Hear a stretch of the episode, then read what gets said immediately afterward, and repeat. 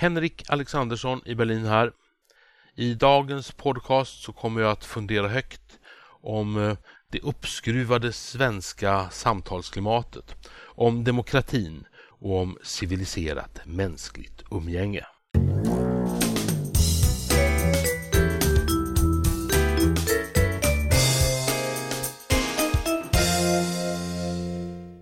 Svenska folket och Sverige som nation skulle vinna något oerhört på att slappna av en smula. Så här.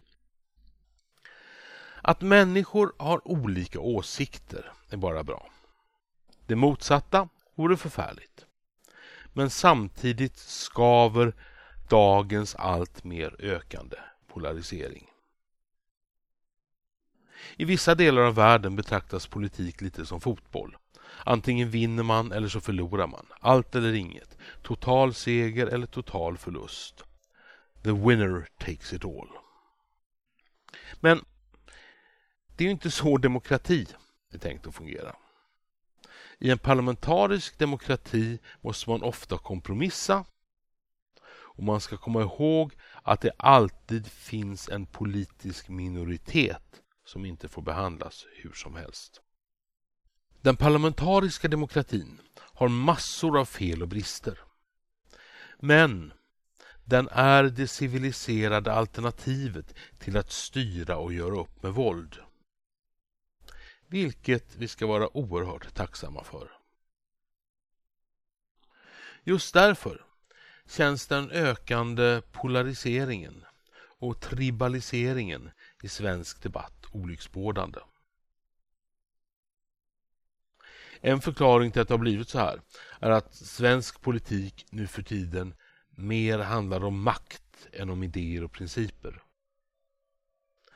För om allt bara kretsar kring vem som ska ha makten över alla andra då blir det lätt väldigt konfrontatoriskt, grinigt och obehagligt. En annan förklaring kan vara att allt går så fort nu för tiden. I en uppkopplad värld så har nyhetscykeln krympt från ett dygn till någon eller högst ett par timmar.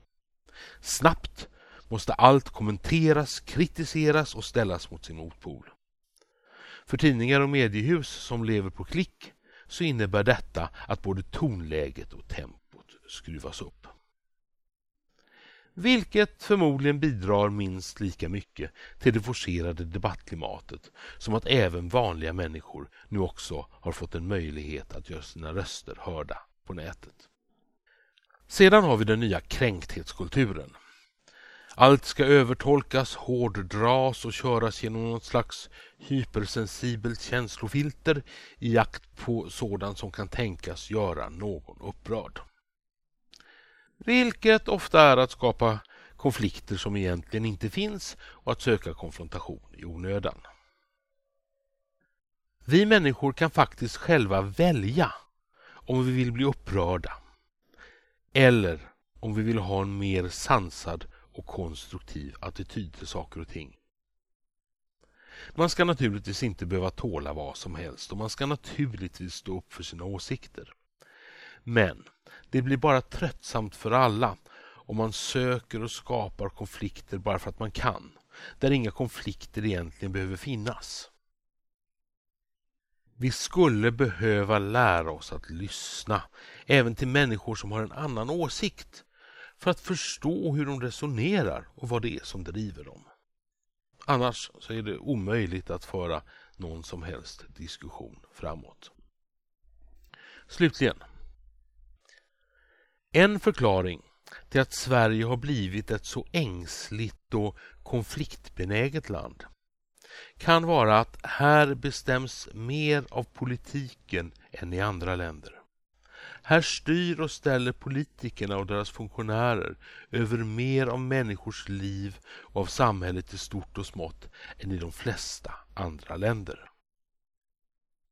Så i Sverige kan människor inte välja själva inte göra så många egna val. Istället för att själva ha makten över våra liv så är vi beroende av vad överheten säger åt oss att göra. Vilket gör allt till politik i Sverige.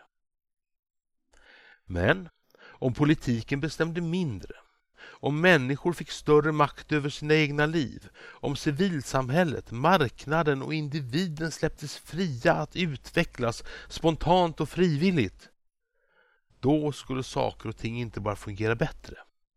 Då skulle politiken även bli mindre viktig i våra liv. Då skulle människor få större möjlighet att leva sina liv efter eget huvud. Det är egentligen rätt uppenbart. Mindre politisk makt över människor minskar vårt beroende av de politiska besluten. Och då blir det inte längre så viktigt för en politisk supporterkultur att förinta en annan. Att leva och låta leva, det vore vägen till ett civiliserat samhälle.